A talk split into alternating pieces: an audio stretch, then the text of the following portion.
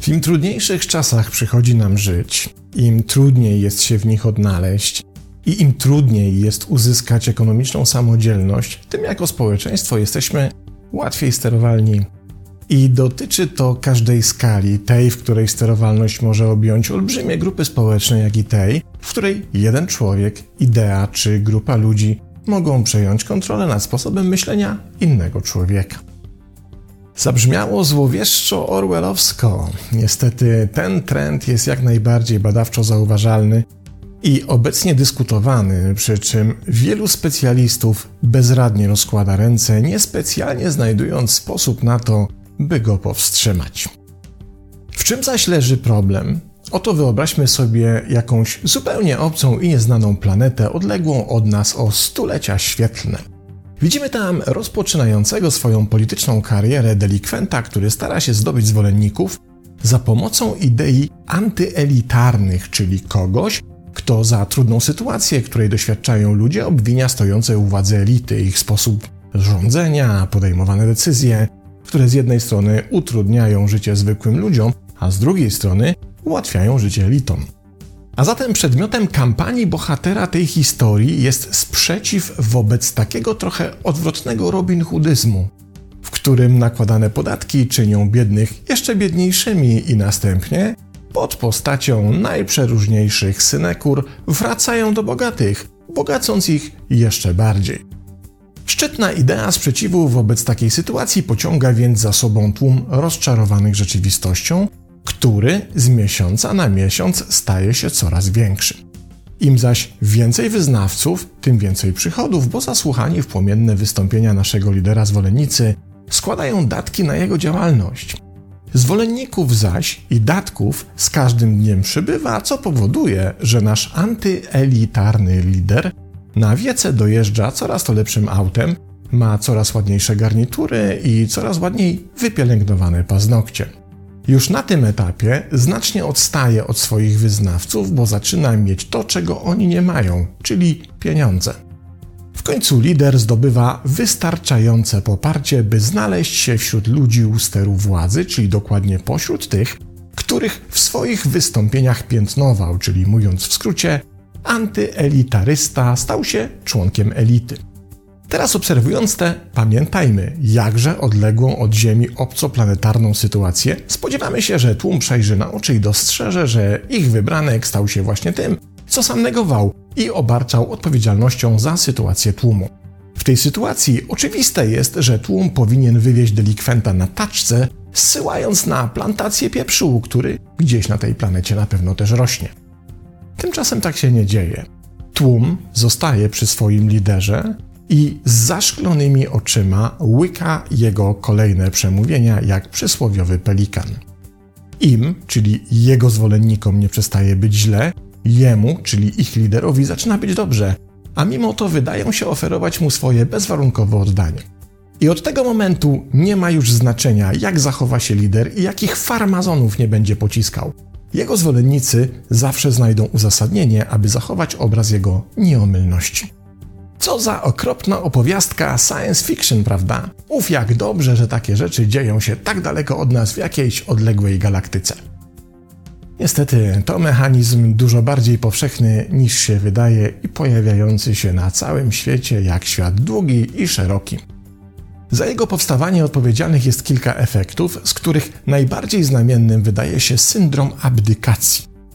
To termin, który najprawdopodobniej został po raz pierwszy użyty przez doktora Steve'a Taylora, wykładowcę psychologii na Uniwersytecie Leeds Beckett w Wielkiej Brytanii i autora kilkunastu bestsellerowych książek, w tym ostatniej zatytułowanej Disconnected i poświęconej kultowi patokracji, czyli rządom psychopatów, która jest według doktora Taylora wciąż najpowszechniejszą formą rządów na świecie.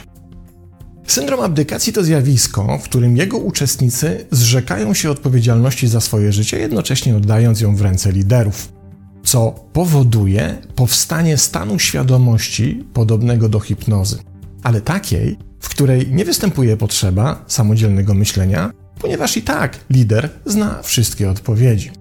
To stan, w którym wyznawcy nie potrzebują się już o nic martwić, bo są przekonani, że ich guru zapewni im wszystko, czego potrzebują. W takiej konfiguracji dochodzi do swoistej wymiany potrzeb. Lider potrzebuje być czczony, a wyznawcy pragną kogoś czcić, które to potrzeby wzajemnie się w tym układzie uzupełniają. Taylor twierdzi, że syndrom abdykacji ma swoje źródło w nieświadomym pragnieniu powrotu do czasów wczesnego dzieciństwa i zapewnienia bezpieczeństwa przez nieomylnego i wszechmocnego rodzica, który z jednej strony chroni, a z drugiej kontroluje, przejmując na siebie pełną odpowiedzialność, co jednocześnie z takiej odpowiedzialności zwalnia dziecko. W syndromie abdykacji pojawia się, cytując Taylora, abdykowany stan świadomości, w którym gloryfikowane jest wszystko, co mówi lider, i jednocześnie żadnej z jego idei się nie podważa, co powoduje, że każda, nawet najmniejsza zgłoszona sprzeczność jest odbierana jako atak, co samo w sobie kasuje potrzebę używania jakichkolwiek argumentów. To tak jakby ktoś ze stuprocentowym przekonaniem utrzymywał, że zawsze świeci słońce. Kiedy wskazać takiej osobie, że przecież właśnie pada deszcz, odbierze te wskazanie jako atak i od tego momentu to, czy świeci słońce, czy pada deszcz, przestaje mieć dla niej znaczenie, bo liczy się tylko to, że została zaatakowana i to teraz wyłącznie temu poświęcana jest jej uwaga. To dlatego z osobami dotkniętymi syndromem abdykacji tak trudno się dogadać. Taylor nie podaje rozwiązania, a jedynie wskazuje, że najprawdopodobniej nie jest możliwe, bo związek zwolenników ze swoim liderem opiera się na patologii po obu stronach. Z jednej mamy odlepionych od prawdziwej rzeczywistości liderów, a z drugiej strony niedojrzałych psychicznie ich zwolenników. Chociaż ja tutaj zamiast takiej diagnozy wolałbym użyć terminu niższego poziomu świadomości. Niestety syndrom abdykacji w przestrzeni publicznej jest obecny od wielu lat i dekad, a ostatnio dodatkowo rośnie w siłę za sprawą efektu nazywanego trybalizmem cyfrowym. Na to zaś z kolei zwraca uwagę doktor psychologii Jessica Keller z Uniwersytetu Maryland, wskazując, że rozwój mediów społecznościowych ułatwił i upowszechnił trybalizm, ten, który znamy ze społeczności plemiennych, w ramach którego obserwujemy silną identyfikację i lojalność wobec konkretnych osób lub grup, dzięki czemu użytkownik otrzymuje wzmocnienie swoich przekonań z jednoczesnym zamknięciem się na inne idee, perspektywy czy dowolną różnorodność. Fundamentem tutaj jest potrzeba przynależności społecznej i efekt akceptacji, warunkowanej podzielaniem przekonań, co ułatwia kontakt z podobnie myślącymi ludźmi i utrudnia kontakt z myślącymi inaczej. Dodatkowym wzmocnieniem staje się tu efekt konfirmacji, czyli koncentracji uwagi jedynie na tych ideach, które potwierdzają dotychczasowe przekonania i ignorowanie tych idei, które im przeczą.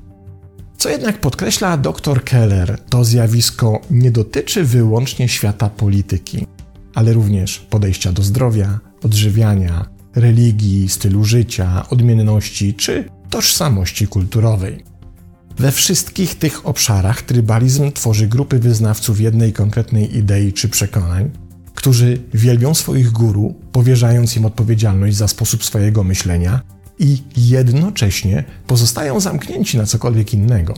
Oni również dowolnemu zdaniu przeciwnemu przylepiają etykietę ataku, co zwalnia ich z argumentowania, koncentrując uwagę wyłącznie na samym ataku.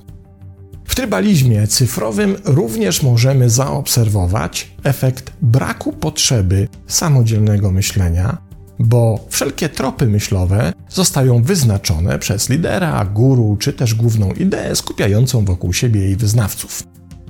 I tutaj również mamy do czynienia z poziomem świadomości, który jest niski nie dlatego, że nie mógłby się rozwinąć w wyższy, ale wyłącznie dlatego, że strategia guru jest tak pomyślana, by świadomość wyznawców nie była się w stanie samodzielnie rozwijać. Czy istnieje zatem jakieś światełko w tunelu, które mogłoby nieść nadzieję, że obecny również we współczesnym trybalizmie cyfrowym syndrom abdykacji mógłby nieco odpuścić, zamiast stawać się coraz to bardziej powszechnym zjawiskiem? Otóż nadzieje te są raczej wątłe i takie pozostaną, dopóki będziemy uznawali, że walka z naszymi przeciwnikami idei, przekonań czy poglądów powinna polegać na tym, by przekonać ich do naszego punktu widzenia rzeczywistości, co jednocześnie oznacza, że powinni zrezygnować ze swojego. Kiedy posługujemy się taką strategią, doprowadzamy jedynie do tego, że jednego guru zastępuje inny, że jedna elita zostaje wymieniona inną, że jeden lider przegrywa z innym, a więc ustępuje miejsca zwycięzcy, co trwa jedynie do czasu, kiedy nie pojawi się kolejny zwycięzca, kolejny i jeszcze kolejny. W ten sposób umacniany jest jedynie magiczny, zamknięty krąg, który im szybciej się kręci, tym trudniej jest z niego wyskoczyć. Być może jedyną, jak na razie nie ma bowiem innego pomysłu, możliwością jest nie tyle zastępowanie jednej idei drugą, ile promowanie narracji, w której podkreśla się możliwość istnienia wielu idei jednocześnie, co nie zawsze musi oznaczać konieczność występowania konfliktu między ich wyznawcami. Samo uświadomienie sobie, że istnieją również inne opcje, to już ważny krok, bo wraz z tą świadomością orientujemy się, że nasza opcja nie jest jedyna, a skoro istnieją, to samo ich istnienie jeszcze nie oznacza zaatakowanie naszej. Pozdrawiam.